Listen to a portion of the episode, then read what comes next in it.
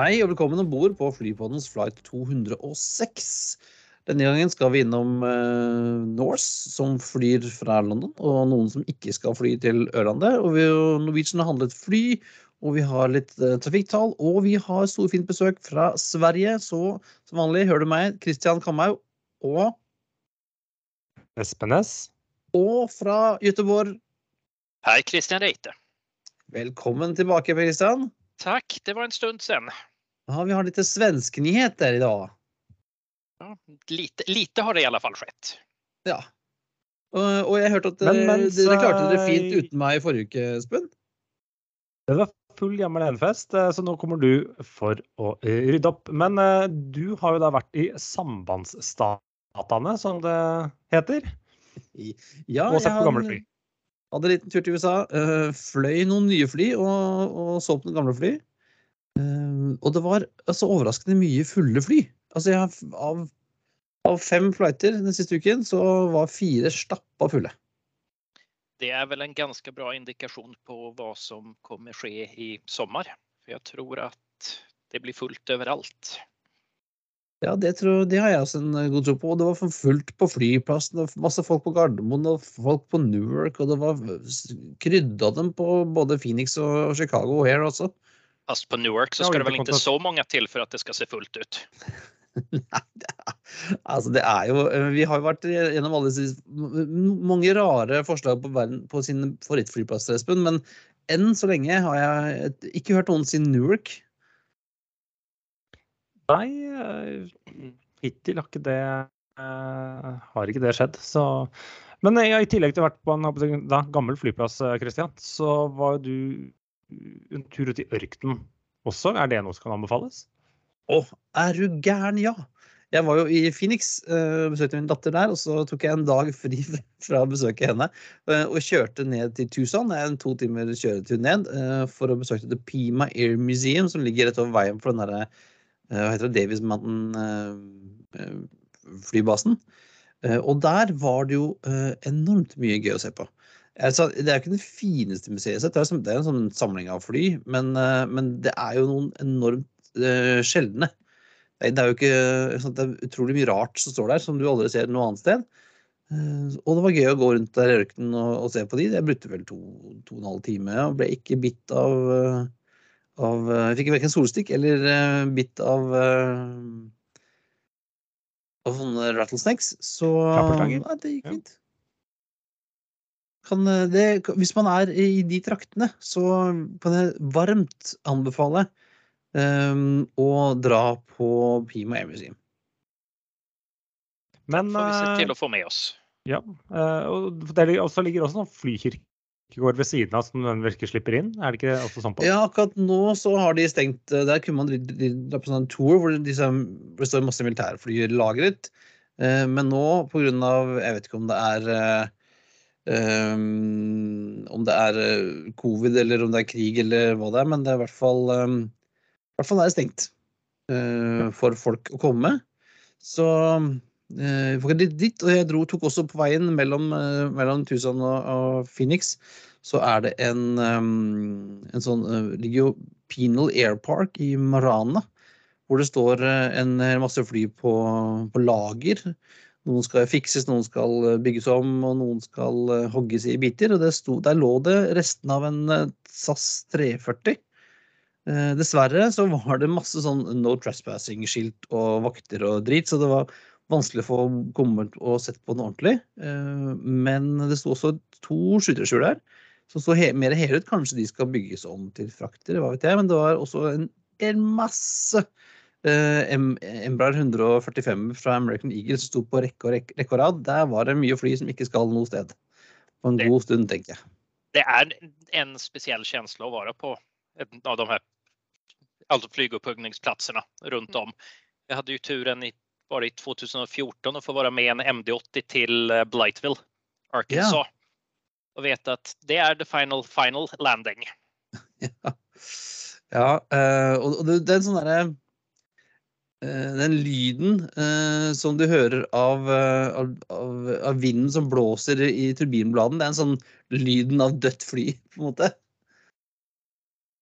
Men eh, så, eh, veldig gøy å ta en tur. Det var en sånn hel dag i, fly, i flynerdingens tjeneste.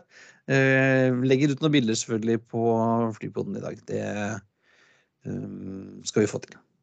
Fint at du Men- tok en for laget.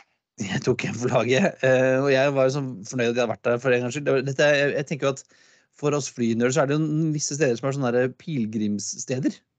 Eh, Steder man bare må dra til. Et av de er jo uh, PMM Museum, syns jeg. Og så har du jo Boeing i Seattle, og så har du uh, Airbus Toulouse, uh, Le Bourget, uh, Musée de l'Espace uh, d'Avion Noe sånt noe. Eh, disse, dette er jo steder som man på måte, bør besøke. Nå føler jeg at jeg, og, og ikke minst National Air and Space Museum i Washington DC er også et sånt. Så jeg, nå, nå har jeg tre, uh, tre eller fire kryssa på min uh, bucketlist. Men Espen, har du funnet noen flighter til oss denne gangen, eller? Ikke nok med det. Jeg har funnet tre, og det er et tema. Vi begynner da med E EK 206 er DXB MXP JFK en 380. Den var nesten for lett. Det er Emirates Ja, men, ja, från Dubai til Ja. Malpensa til JFK.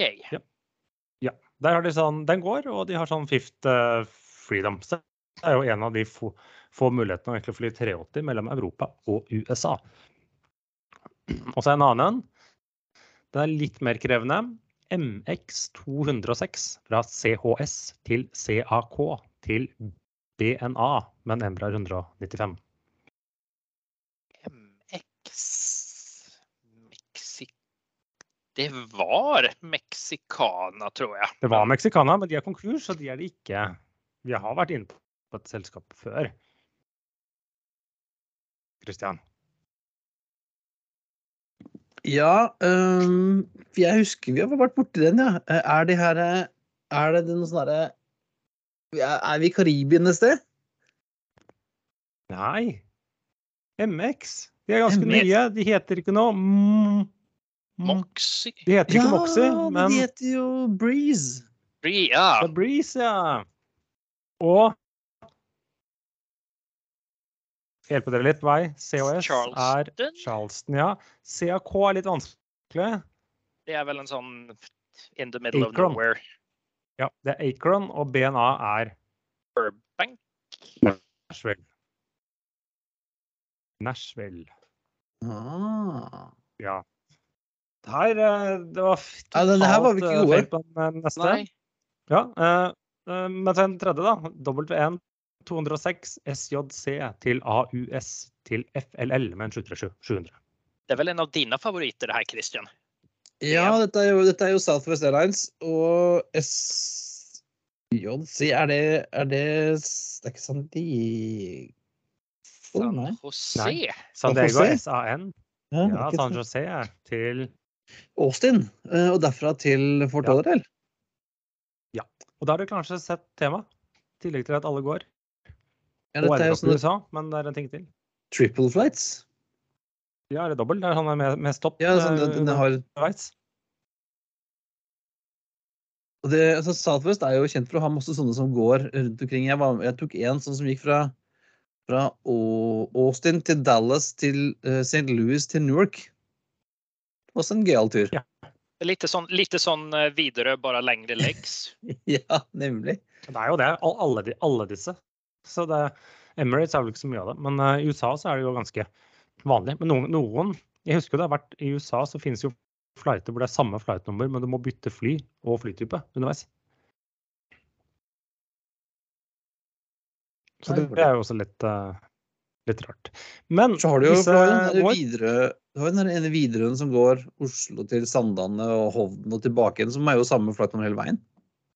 Ja, så står det liksom Oslo på skjermen på Gardermoen. Så det er eh, jeg tenker det. Men det var, eh, det var altså tema. Men eh, Christian, du har funnet en haug med flighter som ikke kom fram. Ja, eh, og vi skal eh, gå litt raskt gjennom, for det er altså tre eh, flyulykker og to kapringer. Og vi begynner med kapringene. Og den første 206 er altså et selskap vi har vært borti altfor mange ganger, og det er Garuda Indonesia. De, eh, de, har, de har det med å ja, Det detter litt ned i Indonesia. og Det er en grunn til at de er banned fra EU fremdeles. eh, Så det kan greit å holde seg unna. Men det er altså en flight tilbake i eh, mars 1981, en DC9 eh, som skulle fra eh, eh, Ja, fra, det skulle fra jeg husker ikke hvor det skulle fra. Det skulle en innenriksflight i Indonesia som ble eh, kapret av eh, en sånn kommando jihad, eh, og ble fløyet da til eh, Bangkok, hvor de ble stormet av indonesiske spesialsoldater. Eh, og i denne redningsaksjonen så ble alle passasjerene de kom seg unna uten uskadd, men alle fem eh, kaprerne piloten og en av eh, disse kommandosoldatene ble drept. Um, Visstnok så ble alle skutt av kommandosoldatene. Eh, både turistene, piloten og han ene som ble tatt av friendly fire. De var noen tøffinger, gutta her. Hadde øvd seg et dager på forhånd mm, på en tilsvarende DC9 i Jakarta. Det skulle være greit å finne ut av. Og den andre er en American Airlines 206 eh, tilbake i eh, 25. februar eh, 1970. Eh, skulle fly, egentlig fly eh, Chicago til LaGuardia, men ble da eh, kapret av en fyr. eh, en well-dressed latino man, visstnok. eh, og, bedt, og som krevde å, å fly til Cuba. Men først kom han til, ble til JFK, hvor passasjerene ble tatt, sluppet av, og så fløy han med resten med flyet alene, privatfly, til Havana, Cuba. Eh, og det var visstnok den tredje kapringen til Cuba eh, samme dag. Eh, både en Delta-flight og en meksikansk innenriksflight. Og denne da ble kapret og fløy til Cuba, så der ble det, ble det denne dagen litt fullt på Apron, tenker jeg. Vilket er interessant, for de fleste vil vel derifrån på den tiden. Ja, nå er det den. Det var en sånn greie på 70-tallet hvor eh, folk drev og, og kapra flighter for å dra til Cuba. Eh, av en eller annen mystisk grunn. Eh, og så har vi tre ulykker også, og det er igjen har vi et selskap som vi er borti før, Espen. Eh, China Airlines, China fra Airlines Taiwan. på Taiwan, ja. Eh, 206 der var en sånn NAMC YS11 som eh, krasja på vei inn til eh, Taipei flyplass 12.8.1970. Eh, kom inn i tjukk tåke og litt sånne tordenskyer og krasjet inn i en bambusskog nær flyplassen, og 14 av 31 om bord ble drept.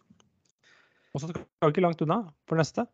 Nei, neste flight er er altså Philippine Airlines flight 206 26.6.1987, en HS eh, 748 eh, fra eh, Manila til Luacan.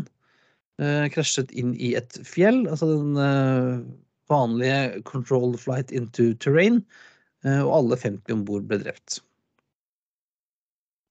Og så, siste, flighten, siste ulykkesflighten er Comair, som vi har snakket mye om tidligere i forbindelse med konkurser og Sør-Afrika og greier. Eh, En, eh, en Embraer 110 Banderante eh, fløy, sk- som da fløy eh, innenriks eh, Falaborva til Johannesburg. Den har jeg faktisk fløyet den fløyten der andre veien. Med, med eh, 1. mars 1988. Eh, og den eh, påstås det at det er sånn foul play. Fordi at eh, rett før eh, den skulle lande, så eksploderte den i lufta. Eh, og cockpiten ble funnet som en kvart kilometer unna resten av vrakrestene. Eh, og visstnok så var det en uh, gruvearbeider om bord som hadde tatt ut en ganske stor døds, en livsforsikringspolicy eh, rett før denne ulykken eh, skjedde.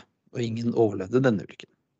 Så det vi kan lære oss av det her, er at undvik flighter som heter 206. Ja, altså det skal vi skal, altså Det har aldri vært borti så mange eh, med 206 med, med på, på ett et ett flightnummer.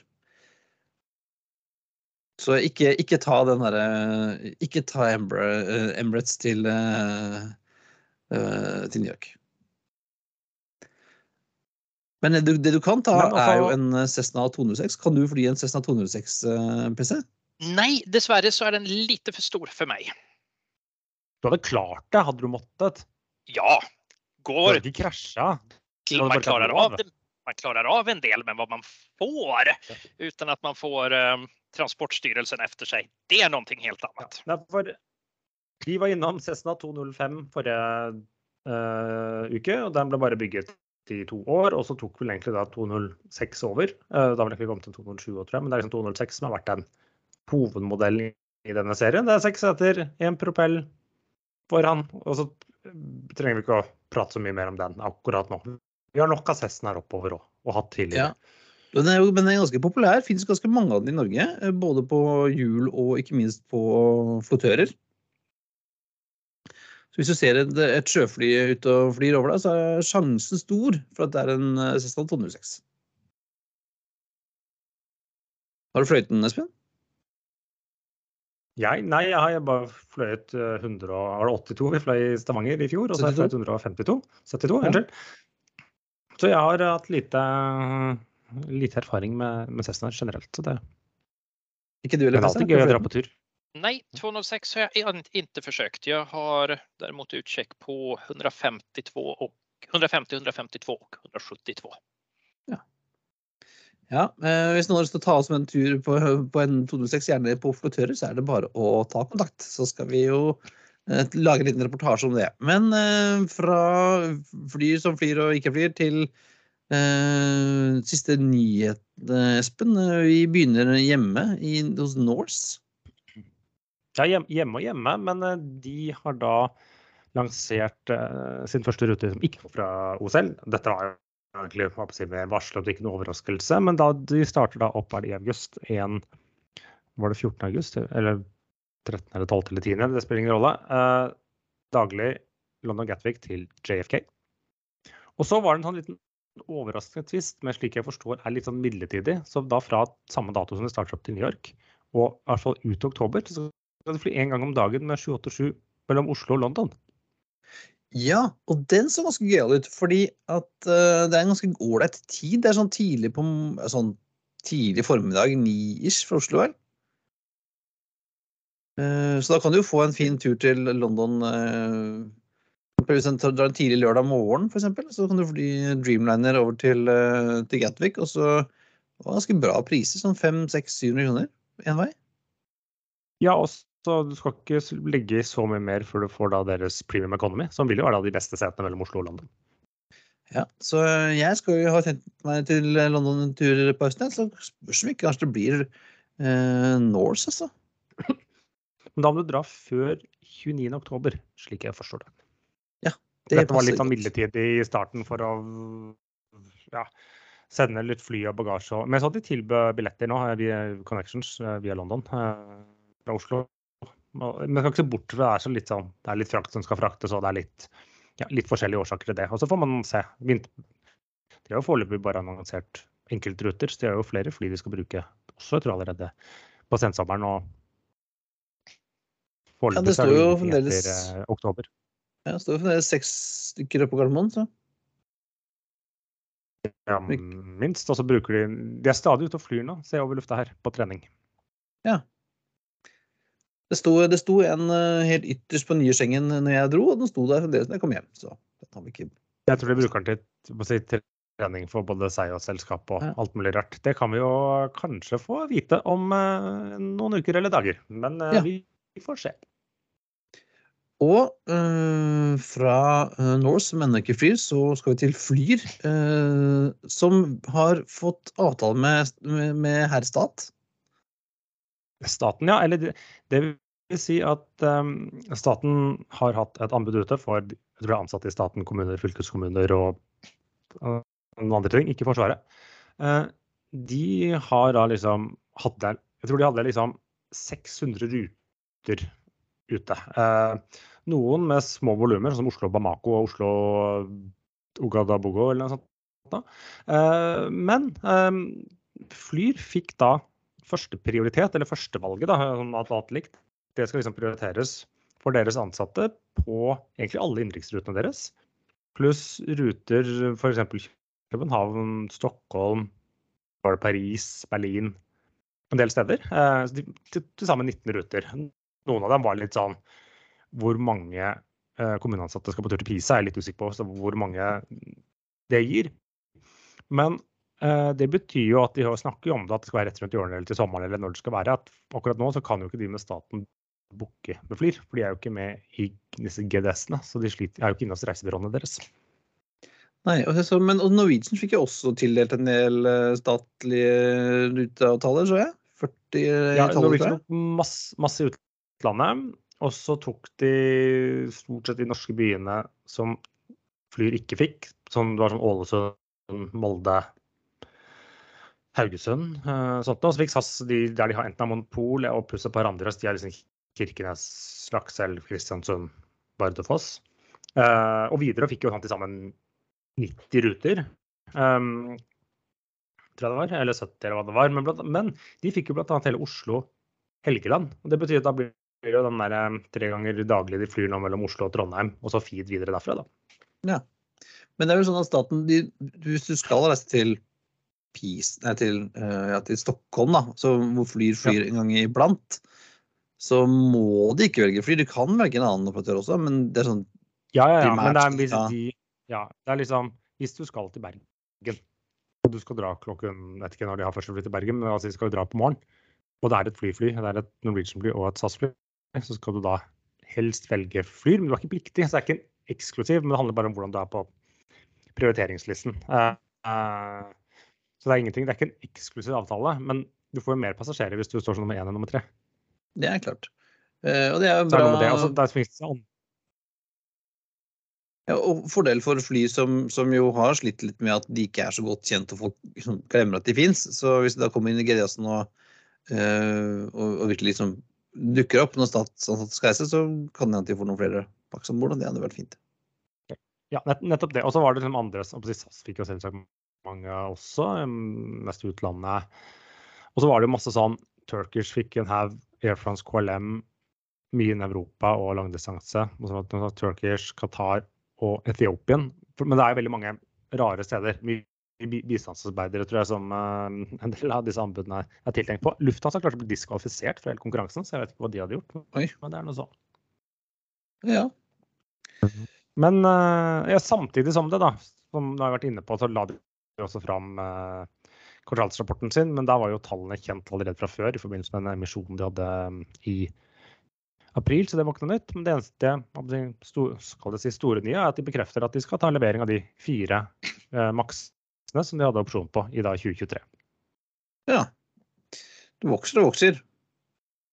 Ja, så da nå har vi ti fly, får tolv nå i løpet av sommeren, og innen neste sommer så får de da ha minimum 16.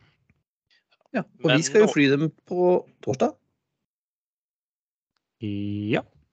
Da skal vi fly dem til Bodø. I hvert fall jeg og deg. Ja, jeg, jeg, tar en, jeg tar en gammel blå. Ja. Og fra grønne og blå uh, til rød. Uh, Norwegian uh, kom med en liten gladnyhet i dag. Til, I tillegg til at de har nå er veldig bullish og snakker om at de selger som bare rakkeren, så har de nå lagt inn en ordre på 50 stykk 727 maks 8. Ja. ja og de, også det, de spesifiserte det dette var åtte.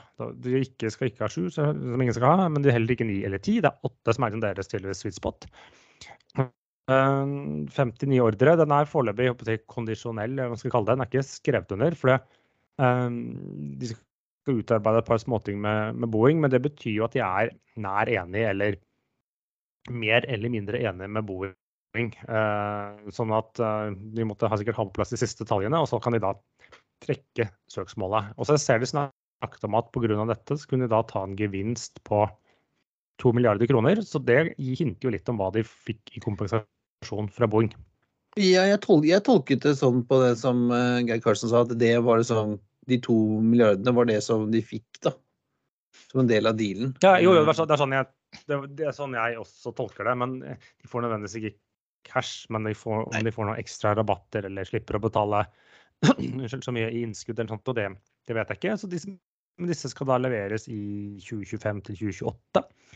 Og så bare som sagt den at er nå Norwegian tilbake på dette liksom, gigamantiske sporet og skal vokse herfra til evigheten og ha 540 fly. Nei, disse skal jo erstatte I første omgang skal de jo erstatte dagens noen av 50 737-800-maskiner etter hvert som de forsvinner ut av i leasing.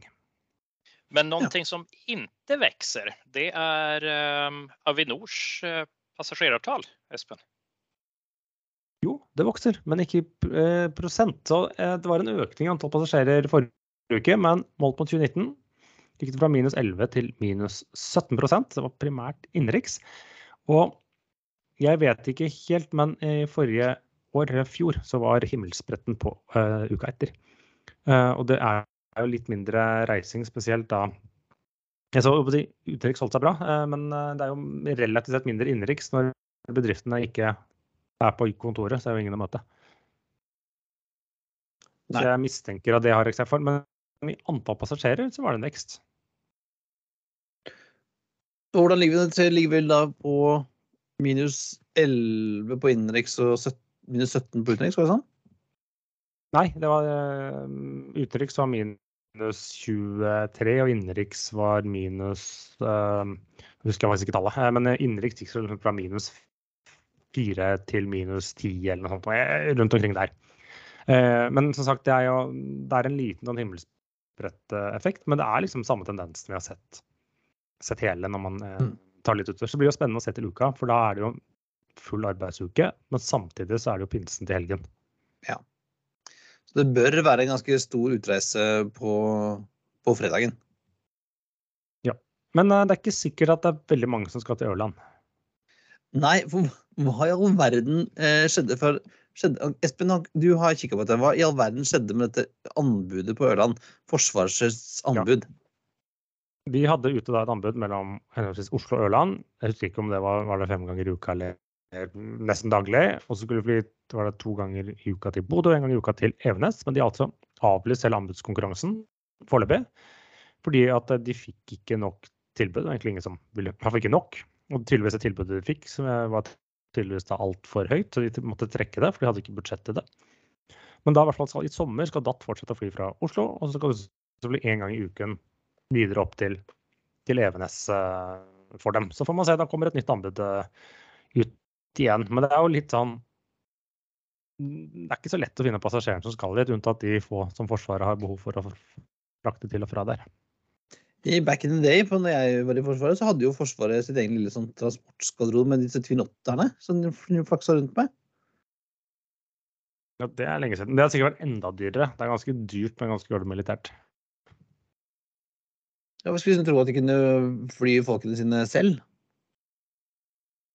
Ja, det var det, da. Det var sikkert eh, ja, litt eh, billigere. Men uh, så har vi også over til en av dine temaer, Kristian, som forumets moteekspert. Du er ikke bare flyekspert.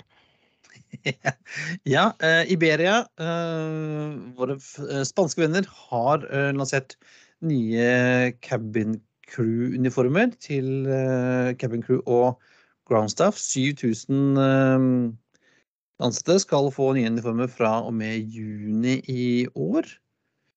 Ehm, de ser jo Ja, skal man si De er helt ålreit. Ehm, det er eh, Jeg ser damene har noen fine kjoler.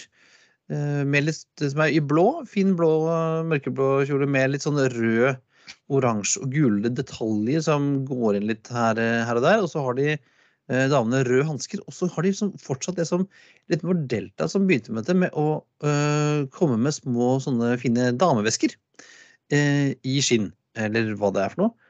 Øh, som også er i rødt, som matcher disse hanskene. Som er litt sånn fin ekstra detalj. så ser jeg også at man får sånne små accessories som skjerf, f.eks., med det rødt og gult som kommer igjen fra, fra Iberia-fargene. Så mørkblått og hvitt Eh, hvitt med sånne små detaljer i kantene i eh, gult og rødt som eh, kommer igjen fra flyet. Så det er elegant, fint. og, og i spanske fargene.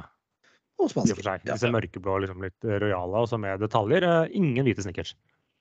Ingen hvite snickers. Det hadde jeg aldri ventet å se fra Iberia heller vet at spanjolene er jo blant uh, Italienere får, får, jo ofte mye sånn cred for å kle seg bra, men, Men spanjoler, særlig sånn Madrid-spanjolene, er eh, veldig godt kledde. Så her er det noen som har eh, jobbet litt. Så med tanke på hva vi pratet om American 206 tidligere i, dag, så kanskje vi skal se opp for well-dressed latino menn? ja, ikke minst, ikke minst. Eh, det er sant. Um, men Espen, jeg skal bare hoppe litt tilbake til, eh, til eh, tallene for Avinor. Det gikk så fort ut fra de, men jeg hørte, for jeg hørte her um, i forrige uke mens jeg var i USA, at det var snakk om en del flyselskaper, sjefer, som er litt skeptiske til denne kjempeveksten. USA har jo også som jeg sa, mye fulle fly, og det er litt sånn, det er ikke fullt så mye kaos på flyplassen i USA som det er i Europa. Men flere Her flere er bare slåss. ja, de gjør det, ja. Men, eh, men det er flere som advarer om at de, de lurer nå på om denne vekst, kjempeveksten i sommer er mer denne ketsjupen. Uh, og at vi ikke skal til den samme veksten når vi er tilbake igjen. Uh, til normalen. Uh, de, de, Ja, tror har jo veldig mange både ferie- og forretningsreisende som er litt sånn ikke har vært, og kanskje reiser litt ekstra nå, eh, for å liksom ta igjen litt. Ja, for forretningstrafikken er liksom ikke tilbake eh, som der den skal være. eh, Og når, når folk har reist litt fra seg, så, så er, kommer vi til september. Da er det, liksom ikke, det er ikke så fett å reise til NIS da.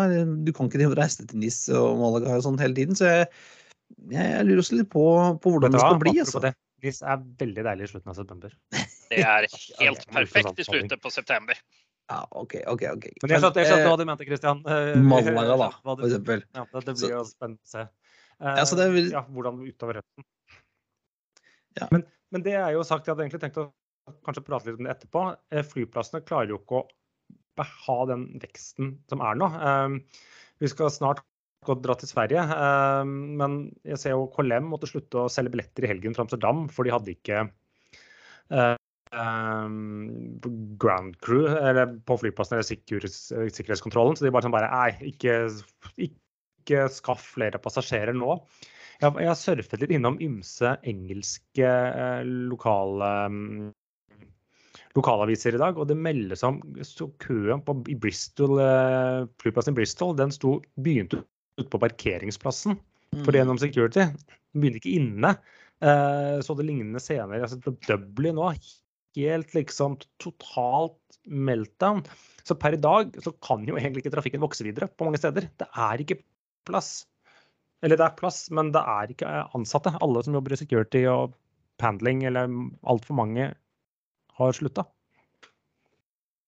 Ja, og, i- og i- på Arlanda er det full kaos uh, fremdeles, PC. Det Ja, no. totalt total kaos på Arlanda. Ehm, for de som er kända på den flygplatsen som jeg vet at du er, Christian så gikk køen kön helt fra B-piren ned forbi inn in i terminal 4. Å, hei du. Ja, Um, og eh, jag har hørt flere som har sagt fast tracken på Arlanda har hatt 35 minuters kø til tider. Ja, 45 så jeg i dag. Ja, men på vanlige securityen, ja. Uh, men fast på, track, ja, på fast track. på fast tracken også. Så Ja, ja. Da, er det, är det enda verre. Og da skal vi tenke på at eh, en av de största resedagarna eh, på året kommer nästa, nästa helg. Inte nu till helgen, men nästa helg når när er skolorna är slut. Då, Ja, är det, då ska alla svenskar ut på tur. Och det, det brukar under normala förhållanden vara en kaosdag. Så jeg jag hade inte velat arbeta på handling. Men, men hva, er, hva er det som er problemet, PC? Hva er det de mangler av folk? Security är det stora problemet på Arlanda. Um, och med, höll på att säga, vanlig basic security clearance tar upp till 12 veckor nu och få en um, och få ID-kort. Jag hörde från um, före detta kollegor i Köpenhamn att det är 12 till 15 veckors um, processtid för att få ett havnekort på Kastrup. Så det är väl, näst, det är väl annan, en annan flygplats vi kan förvänta oss cirkus på i sommar. Men ja, for i der har, jeg fall også, der har jeg også sett noen, noen bilder fra og rapporter fra. Hvor tidligere det har ikke vært så ille som Arlanda, men ille nok. Og det her kaoset gjør jo at det blir trangt även inne i, innenfor security. Så Arlanda kommer fra og med den 15 juni å öpp, terminal 4. Okay. Det vil si at gamle inrikesterminalen. Um, vad som det seneste jeg hörde och har vi någon från Swedavia som hör det här så får ni gärna ta kontakt med oss med mer information. Men det var att planen är att ha Ryanair där. I Och fyran? På terminal 4. Allt som är non-Schengen, allt som är eh, intra-Schengen.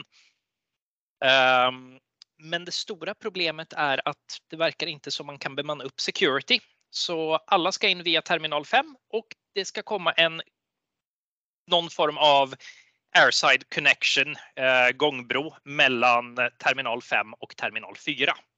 Mm. Det intressanta är när jag var på Arlanda i söndags så var det ingen som kunde tala om för mig var den här gångbron skulle gå. Och då har vi 18 dagar kvar till, eh, till start. Så återigen, om vi har någon från Swedavia som vet, ge besked. För vi, Ja, for det, we're dette er curious. jo litt sånn Når man bygger opp nå, dette er litt sånn generelle nå. Det de hjelper ikke at plutselig så øker eller flyselskaper det er mange flyselskaper som også mangler ansatte. Eh, Vi skal ikke engang snakke om SAS og deres eh, 4000 kanselleringer i sommer. som Kanskje var like så greit når man ser på flyplassen på Arlanda. Det er ikke plass til dem allikevel. British Airways kansellerte 140 flighter i dag eh, til og fra London. Eh, Men det er jo litt sånn at eh, det hjelper ikke å åpne en ekstra pir på flyplassen hvis ikke du har alt. Det er litt som en bil. Med, skal du bygge en bil, så må du ha alle fire hjulene på plass. Nå er det noen som driver og bygger biler med tre hjuler. Det var vel noen engelskmenn som prøvde seg på det. Ja, nettopp. og vi så jo, hur, det, så jo bra det gikk. Jeg hørte noe som mente at noe av grunnen til at liksom, det fungerer OK, i hvert fall på Gardermoen, er at vi i Norge har disse uh, permitteringsreglene som gjør at man trengte ikke å, sli- å si opp alle sammen. De kunne gå i permisjon, og så lettere ta den tilbake igjen når øh, trafikken er tilbake. Men jeg så bilder i dag fra OSL som også var ganske kaotiske på security, så Ja, kanskje men vi har noe å men vente. jeg hørte det var jeg, jeg hørte begge deler i dag. Så spurte jeg liksom eh, snakket med noen flere, og de sa det hadde vært greit. Men det var en sånn veldig peak en liten periode i, i morges. Men eh, ja, det blir jo spennende å se. Jeg trodde Anders jeg tror att väl- du skulle si at anledningen at det går så bra i Oslo er at ni har svensker, men De er jo ikke her inte så lenger. så- kvar. Nej, Nei, men jeg tror altså, konklusjonen og anbefalingen der må være øh, vær ute i god tid, folkens. Ja, for det fins ingenting Og det har vært veldig mye i svensk media siste tiden at det spiller ingen roll når du er på flygplatsen. Flygbolagen dekker ikke noen form av kompensasjon om du, om du mister din flight på grund av security.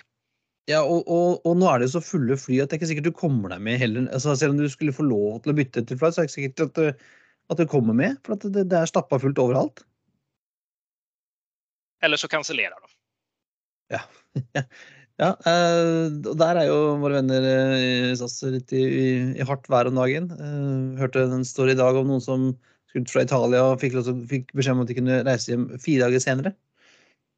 Eller som en god venn av meg som skulle hjem fra Lissabon, Ble ombooket fra onsdag til torsdag.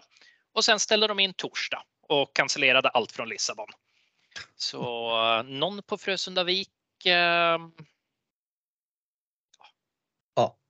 Ja, så her er det bare å Det operasjonelle fungerer ikke helt, kan man vel si. Ja. Nei, jeg tror at eh, Dagens vi får bare krysse fingre og, og, og være klar for det aller meste. Jeg tror det, dette blir en sånn sommer hvor eh, du bare må håpe at det går greit. Eh, Jeg, hadde, jeg var, kom inn til Oslo i går. Det tok litt tid med bagasje, og litt kaos med bagasjeanlegget allerede.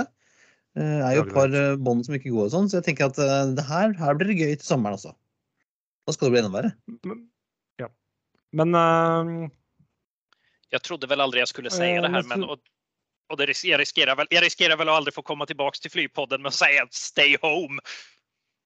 Nei, nei, nei, nei. du Ja, må eller jeg vil i bare være si forberedt. en, jeg vil, nei, jeg vil i hvert fall si, ja, men jeg vil i hvert fall si at en sånn liten anbefaling for sommeren um, er jo i hvert fall ikke at i hvert fall satse på direkte flighter. Da risikerer du non-stop-flighter. Da reduserer du i hvert fall risiko noe. Så Hvis du skal via et eller annet, så blir det jo dobbelt så stor sjanse for at noe går skeis. Ja, og i hvert fall ikke kjøp sånne egen, egen, egen, egen connections med jallaballa.com, liksom. Eh, ikke gjør det i år, for all, for all del. Men Så det, så det vil si at vi som bor i eh, Göteborg, vi har problem. Ja, det er på generelt grunnlag. Eh, men Christian, nå har vi jo det her. Og siden sist, bortsett fra at eh, dere tydeligvis nå skal alliere dere med oss, men har det skjedd noe annet i Sverige? Ja, um, det, det, blir vel om vi, skal ta, om, vi skal ta, om vi skal ta nærmeste alliansen så er det vel Norwegian som um, at att ja, men SAS er inne på Visby, bra inne på Visby. Varför ska inte vi också gå in på Visby? Så um, denna fantastiska lilla pärla på Gotland som Widerøe hade en sommarlinje till för Ja, det stemmer. en god del år sedan. Ja, ganske lenge siden. Men ja, videre fløy også Oslo-Gotland en sommer eller to, tror jeg. Ja, så de, men Norwegian tror på Gotland och sätter in sex flighter i veckan med en 737-800. I, I tillägg till existerande kapacitet. Så det blir, um, det blir intressant å se om det har noen effekt på prisene. For Visby er annars ikke et av de billigere stedene man kan komme til i Sverige. Nei, og da er det jo både da nok eh, hoteller til dette kapasiteten som kommer inn? Ja, det er vel redan nu problem. Det er vel snarere det at eh, försöka få in alla som har bokat någonting. Det har väl varit antingen så är det för få, för få campingar, för få hytter eller för få hotell eller så är det för få flygstolar och färjebiljetter. Så uh, vi, får väl, vi får väl se. Ena sekunden är det det ena och andra sekunden är det det andra. Men ehm, time, time, will, time will tell. Och i tillägg från Stockholm så har ju bra feed in från Göteborg och Helsingborg. Och om inte jag har helt fel så har även Finnair en sommarlinje från Helsingfors i år. til Visby. Ja, Ja. Det är, det er noen som tror på det. Jo, men det har jo, de siste, de siste årene har det vært ganske bra trøkk på Visby, men det har jo liksom hjulpet at det har vært eh, eh, pandemi, da, tenker jeg. Ja. og i tillegg, så om man skal se på domestic tourism så er jo uh, Gotland, Visby og Gotland den plass i Sverige som har flest soltimer per år historisk sett. Så det kan jo være en anledning at alle vil dit. Og hvis du ikke vil til Visby, så kan du reise til USA fra Stockholm òg, og ikke nødvendigvis med SAS. Nei, for der har ju Finnair kom jo som en surprise her i, i fjor høst. Og det var vel rett mange, inklusive yours truly, som var eh, skeptiske skeptiska på den satsningen. Men hadde jeg haft en hatt så um, hadde jeg nok fått äta opp den. For det verkar ha gått bra for Finnair. Eh, JFK och eh, Los Angeles fortsätter efter sommaren. Eh, De har gått sen, de har gått hela vinterprogrammet och även nu under, under vår och sommar. Eh, Fortsätter ut i vinter. Men även Phuket, Bangkok och Miami gör retur. Ja. Jag är, inte säker, jag är inte helt säker på frekvensen till Miami, men i alla fall Phuket och Bangkok blir två gånger var i veckan. Så det är ju en liten, liten reduktion från tre i veckan som det var på förra programmet. Och det här kan vi väl se som ett tecken också på att Finnair kanske inte helt har tron på att Asientrafiken kommer igång från Helsingfors. Nei, er nå ser jeg Japan begynner jo å åpne i hvert fall for, for uh, forretningsreisende og gruppereiser, sier jeg. Uh, Kina er jo fremdeles stengt. Så er det jo sånn, et lite problem at man må flytte en liten omvei, da. Ja, precis. Men det har ju varit fin. eh, När det gäller finnar och Asien så har de ju fått eh, The North Pole Route som är, som är i full gång. Så um, nästan som back, back in the days. Ja, du flyr, flyr Nordpolen til Tokyo? Ja. Cool. Så med, med certifikat om den går den veien. vägen. Så Ja. om man känner att man har ett eh, North Pole Certificate som saknas i samlingen så ta en tur till Tokyo. Men man slipper vel ikke inn helt enda, med mindre man drar på gruppereise, leste jeg. Finn, no finn, noen, finn noen venner, så uh, kanskje, kanskje, Flypodden gjør en grupptur til Japan. Ja, vi Ja, ja. arrangerer jo bakketurer, vi, så det Precis, har en, har, har en til helgen så off we go. Men før vi skal til Bodø, Espen, så skal du og jeg en tur på Gardermoen og, og sparke på noen fraktere, skal vi ikke det? Vi skal opp der og høre litt Vi snakket jo litt om innenriksfrakt forrige gang, men vi har jo litt sånn årlige tradisjon at vi må opp og prate med, Martin om hvordan det går med fraktmarkedet. Men vi har også fått, eh, skal også møte noen andre spennende personer der oppe. Og jeg setter denne gangen så tipper jeg at vi ikke står på rullebanen der og hører fuglekvitter, som i fjor. Nei, det eh, håper jeg for guds skyld ikke. Eh, Men vi, dette spiller vi jo inn om noen dager, så vi bare klipper til det etterpå. Um, og så um, får vi høre hvordan det gikk.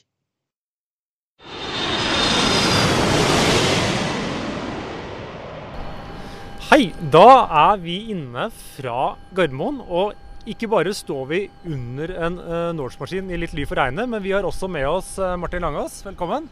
Tusen, tusen takk, men jeg er jo ingenting i forhold til den flymaskinen her. Nei, eh, den har vært mer enn deg, det skal vi innrømme. Men eh, vi har nok en gang eh, fått tatt turen opp her til OSL, som vi nå har gjort én gang i året de siste par årene. Og Det er vel tredje året på rad, vel? Nei, for andre Jo, det er tredje gangen. 2021 Tredje gangen, ja. i mai. Så det er en tradisjon, det da, Martin. Ja, og så Uten at dere merker det, så, så dytter vi det litt, litt nærmere sommeren hver gang. men det er like dårlig vær. Ja, det er for så vidt. Vi har jo til gode at det er fint vær her når vi er her. Ja. Men ikke, det er ikke sånn stille fuglesang som det var eh, i 2020. Nei, nå landa det akkurat en eh, Er det ikke en 319 da, med Jo. SAS i Star Livery her. Og vi står under en Norse-maskin, og det er flere maskiner som holder på å pushe her. Så det er jo, det er jo deilig å se at det, det skjer litt her igjen. Og jeg må innrømme det at eh, nå er jeg heldig å ha en jobb jeg får lov til å fly og reise mye, men det å se mennesker i terminalen igjen eh, og nå har jo liksom, Vi har jo gått litt tilbake til normalen, men jeg klarer nesten ikke venne meg til å se folk. Altså, jeg, jeg blir så glad. Jeg blir liksom en sånn der golden retriever når jeg går inn i terminalen her. For det å se folk igjen og se at det er liv her, det er fantastisk. Det er jo det flyplassen er lagd for. Så det, selve monumentet for pandemien for meg var jo det at det var tomme flyterminaler. Men vi, vi, vi snakket om det når vi kom her i dag, at det, fremdeles er det jo sånn, en del butikker og restauranter som ikke er åpna igjen. Altså Vagamama, sånn noen eh, ting. Ja, jeg kjenner ikke så mye til eh, de detaljene der, men på bare sånn litt generelt grunnlag da, så ser vi i hvert fall at omsetningen er på vei opp, og trafikken er på vei opp. Så liksom pilene peker riktig vei. Men eh, jeg syns eh, Anko sa noe veldig fornuftig. Jeg nevnte vel i forrige podkast også, at eh, det er jo ikke sikkert det bildet vi ser nå er normalen. ikke sant? Hva skjer over sommeren? Eh, sånn at eh, Man har jo veldig lyst til å tro at eh, alt er normalt i jul igjen, men man skal nok følge med. Ja, for nå er det jo litt sånn nesten unormalt. Alle skal, alle skal på tur, bortsett fra de som ikke har fått pass, da.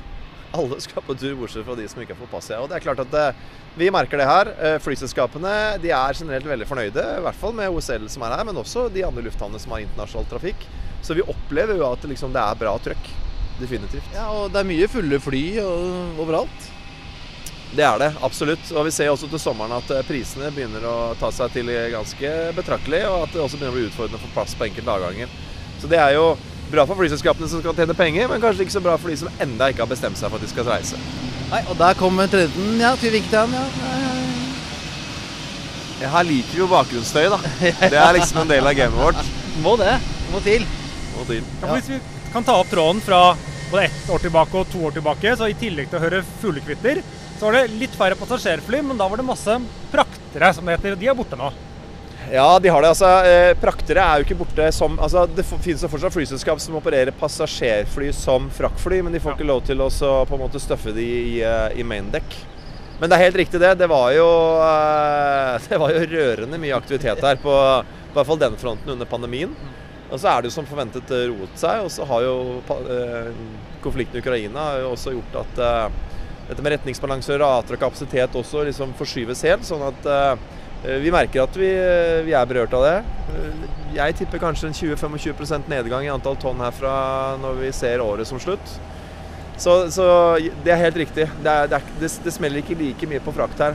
Samtidig så er det jo mye av passasjertrafikken på vei opp. Vi ser at mer av den interkontinentale trafikken tar seg opp. Norse, denne 7-8-maskinen står under nå. Den skal jo til New York om eh, ja, det er vel eh, litt over 14 14 dager. Ja, 14 dager i dag, ja.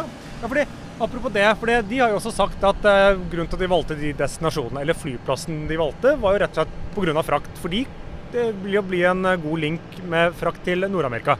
Definitivt. Og det er litt av poenget her også at eh, ja, vi har nok noe redusert eh, fraktertrafikk her enn det vi hadde under pandemien. Men vi kommer til å få opp volumene nå igjen nå når vi får disse eh, store passasjerflyene til å fly primært til Nord-Amerika. Men totalt sett så vil vi nok se en nedgang på 20-25% i frakt her i år, tror jeg. For nå er jo mye av Belly-trafikken tilbake igjen, som var helt borte i fjor og forfjor. Det Definitivt, men eh, det er primært transatlantisk. Til Asia så lugger det ennå. og vi, vi forventer jo ikke at det skal skje noe særlig der før kanskje ut til neste år. Ja, for der er jo også Det er sikkert utfordrende som nevnte at frakten nå ikke kan fly raskeste vei, for å si det pent. Det har forsvunnet et par selskaper, naturligvis pga. sanksjoner og sånn, som har gjort det kanskje også vanskeligere med det asiatiske markedet. Og det hjelper kanskje ikke at TES og Kina fortsatt har vært delvis stengt. Det, er, det er sammensatt dette her. Det er mye det er i forhold til eh, shippingmarkedet, det er i forhold til hvordan Kina nå sliter med å håndtere covid-utbruddet. Eh, Det er omveier rundt den russiske Sibirkorridoren osv. osv. Men eh, sånn enkel oppsummert så er altså den, eh, den tunnelen, det trange røret for frakt mellom Asia og Europa, blitt enda trangere. Og det gjør at ratene går opp. Så det, det påvirker jo veldig mye sjømaten, som er veldig prissensitiv. Så den tåler jo en høyere pris, det ser vi jo. Men eh, klart når du kan hente 80, kanskje 100 kroner kiloen i Frankfurt, så er det vanskelig å være laks, altså. Vanskelig å være daud laks da. Det er vanskelig å være daud laks. Det er en liten Skal jeg spørre dere, gutter. Der er det, vi må jo få lov til å nøle litt. Der går det et Enter-fly nå. Vet dere hvor det skal nå? Ja, for vi var så nerde at vi gikk her så det, så det skal på charter til Longyearbyen. Ja, det var dette var det jeg så på tavla. For jeg tenkte jeg skulle overraske dere. Ja, det er helt riktig. Hvorfor i all verden? Nei, det vet jeg ikke. det vet jeg ikke, Men jeg la merke til det også. Så jeg tenkte jeg skulle ta dere litt på senga nå. Da. Men eh, dere kommer godt forberedt. Det, det liker vi. Um, og apropos fulle fly, fly og fulle flyplasser, så er det jo noen flyplasser rundt omkring i Europa, de aller fleste, som sliter litt nå med kapasiteten på bakken. Eh, Åssen er det på Gardermoen? Her eh, opplever jeg at vi er veldig godt eh, forberedt. Eh, så er det nok kanskje noe av nøkkelen her at i Norge så har man klart å permittere folk istedenfor å si opp folk.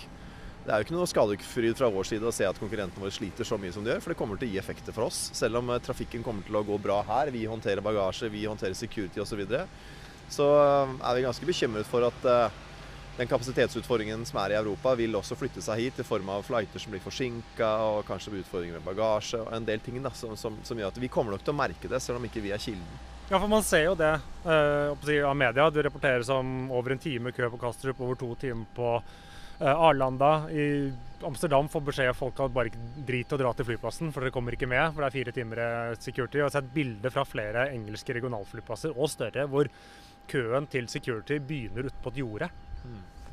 Ja, det er jo helt forferdelig. Og du ser jo også? Jeg kan jo til viss grad forstå det også. De som har nå lengtet etter å reise lenge, og så endelig skal du på tur, og så, og så får du ikke reist deg likevel pga. den type ting.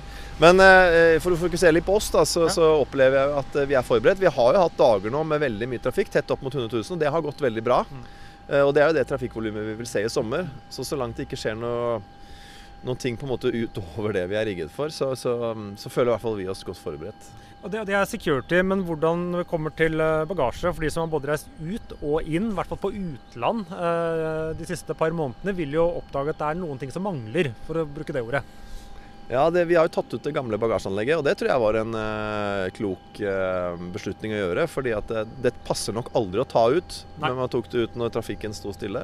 Men eh, det er gjort grep her. Jeg kjenner ikke alt i, i detalj, men det er gjort grep her for å sørge for at det er god kapasitet på de to anleggene som er. Vi har jo dette Felti, dette separate anlegget som ligger helt mot øst på kortveggen der.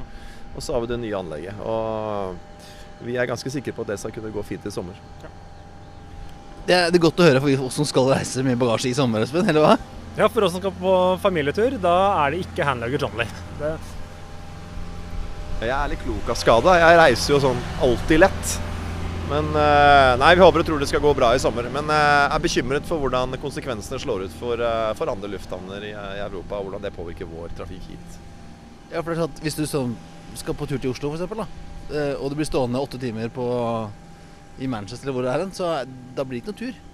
Nei, det gjør jo ikke det. Eh, Så, så nei, vi, er, eh, vi, vi følger med. Og så er det jo det er litt bekymrende å se at disse utfordringene kommer nå i juni. Altså, Vi er fortsatt kanskje en halvannen måned igjen før den store piken kommer i de europeiske landene som er berørt. Så Ja, For der kommer jo ikke piken før sånn juli-august, egentlig. ja, noen av markedene gjør det ikke det. Så man får håpe kanskje at de klarer å få mer kontroll på det fram til da. Så vi får følge med og kjøpe billett uansett, og håpe på at vi kan dra. Er riktig. Apropos kjøpe billett. Uh, Roots uh, snakket vi om for en stund siden. Hvordan, hvordan var det der? Roots gikk eh, veldig, veldig veldig bra. Det, mm, det er jo sånn at eh, det er jo alltid gøy å kunne invitere flyselskapene til Norge. Og, og- det også at de får være her og se og smake litt på produktet, tror jeg var veldig nyttig. Så vi har eh, veldig mye spennende å jobbe med. Og det er jo ikke noe hemmelighet at det er jo Vestlandet og Nord-Norge som måtte drar interessen. Så vi har masse å jobbe med videre. Og der dro Enter til, til Svalbard. Det dro Enter til Svalbard, ja. Blir aldri lei, vet du. Det er sånn yrkesskade å se fly lette. Ja, Martin, nå står vi Jeg kalte det litt sånn ufint corrosion corner, men eh, her står det altså vi er omringet av åtte, eh, sju, åtte, sju, ni fra Norse. Blanke og fine. Karbon det ruster ikke, vet du. Altså, ser du, her er de jo, ser du hvordan de blir tatt godt vare på. Her er de, ser du, de er, Hjulene er pakket inn i plast, og motoren er pakket inn. og det, det står folk og gnikker og stiller pent med dem. Og så så jeg en fra flypoden i stad som ga dem en klem. Ja, stemmer det. stemmer det, stemmer det. Nei, eh, og her, det, Dette er jo the shape of things to come. Nå er det jo ikke lenge til Norse begynner. Det er jo 14 dager til ca. De skal åpne. Ja, Vi gleder oss kjempemye. Nå får vi daglig med, til New York med Norse. Vi får tre ukentlige til Los Angeles. Vi får tre ukentlige til Orlando og tre ukentlige til Fort Lauderdale. Så det Og er jo London. Ja, og London også, faktisk. I hvert Daglig fall til til London. høstferien. Ja, eller i daglig høst, til. London. Ja. Og det er jo, Dette er stort for oss. Det er klart at Når Norwegian forsvant, så etterlot jo det et stort hull i vår, eh, vårt rutenett og kapasitet, i hvert fall til USA. Så det at eh, vi nå får en Norse som ønsker å, å satse på Oslo lufthavn og så ta det amerikanske markedet, det syns vi er kjempe, kjempespennende. Og så ikke minst en splitter ny non-Schengen-del som er ganske tom. Ja, eller i hvert fall den, den, den Om ikke helt tom, så hjelper i å få inn en del Norse-flighter. For det kommer jo til å bli eh, ganske betydelig aktivitet med, med Norse allerede nå fra sommeren. Ja, for selv uten, Hvis jeg utelukker den litt spesielle ruten til London, eh, som jo vil være en god mulighet for folk å prøve Norse eh, uten å måtte dra til USA hvis ikke har tid, eh, så blir det jo da nesten tre daglige langdistanseflighter med Norse nå allerede i sommer. Mot sensommeren. Helt riktig. Eh, betydelig kapasitet.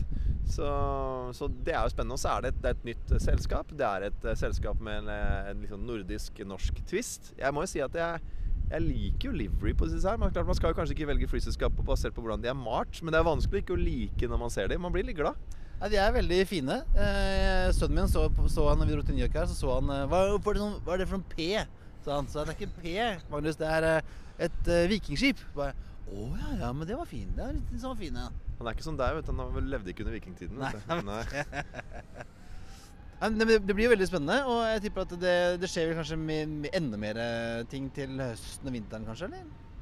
Ja, de skal vel slippe vinterprogrammet sitt eh, om ikke så, så lenge, så vi får jo følge med da og se hva som kommer. Men jeg har i hvert fall sikret meg eh, i hvert fall, ja, to rundturer har sikret meg med Norse i, eh, i sommer og høst. Så oppfordringen får jo være til andre å også vurdere å ta en tur over dammen. For det er eh, gode priser og, eh, og en frekvens som jeg syns treffer, treffer veldig godt her. da. Og, og ikke minst, jeg sjekka i London, i hvert fall. Du reise til London for 300 kroner på en ganske sånn tidlig morgenflight. i hvert fall. Bort er jo ok, men hjem er det sånn litt rar tid, tror jeg. Ja, jeg, jeg, som sagt, jeg kjenner ikke helt hvordan, hvordan Norse priser og har lagt alle avgangene sine, men, men igjen eh, generelt. eh, Det er eh, kjempespennende, og så er det nok eh, kanskje starten på et eventyr. Vi står jo nå og ser på to fly, og det er vel en god illustrasjon på omtrent hva som skal fly herfra. Men hvis vi snur oss 180 grader og ser andre veien, så ser vi hvor mange fly ser vi da, Christian? Én, to, tre, seks. Og så står det en eh, borte ved Pier òg, så da er det vel eh, sju til. Da, da er vi ni totalt da, i dag.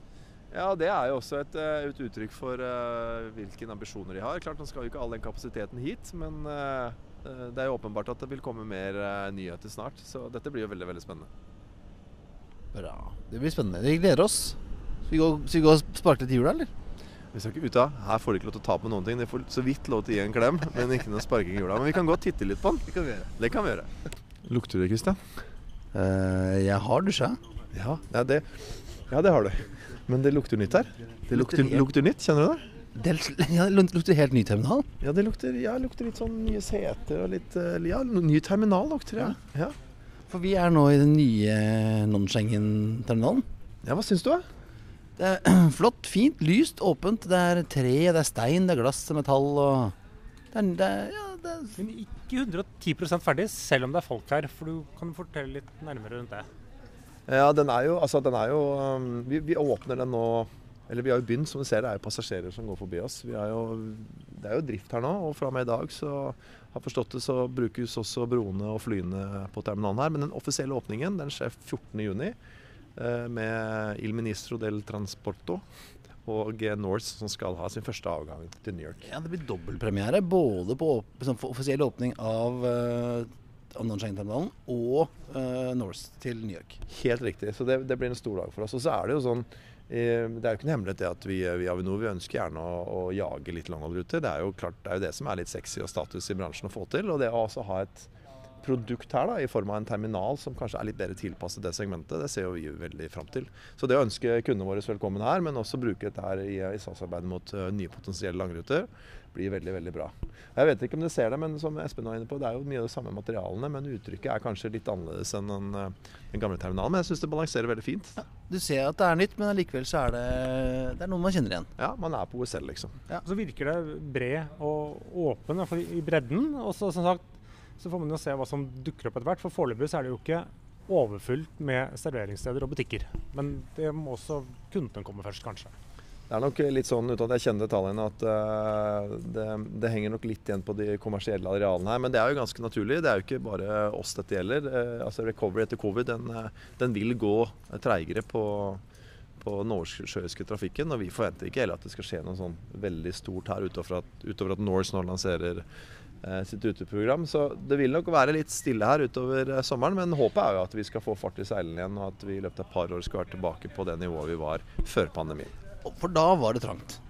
Ja, om det ikke var trangt, så var det i hvert fall eh, ganske hektisk her. For det er lett å glemme det at non-Schengen er ikke bare Thai til Bangkok eller SAS til New York. Det er mange også destinasjoner i Europa som også må innom her. Så i antall flybevegelser så begynte det å bli ganske fullt, ja. Ja, for du har jo eh, ja, Longhall, du har London, du har Kroatia Tyrkia. Ja, ja. alle disse stedene.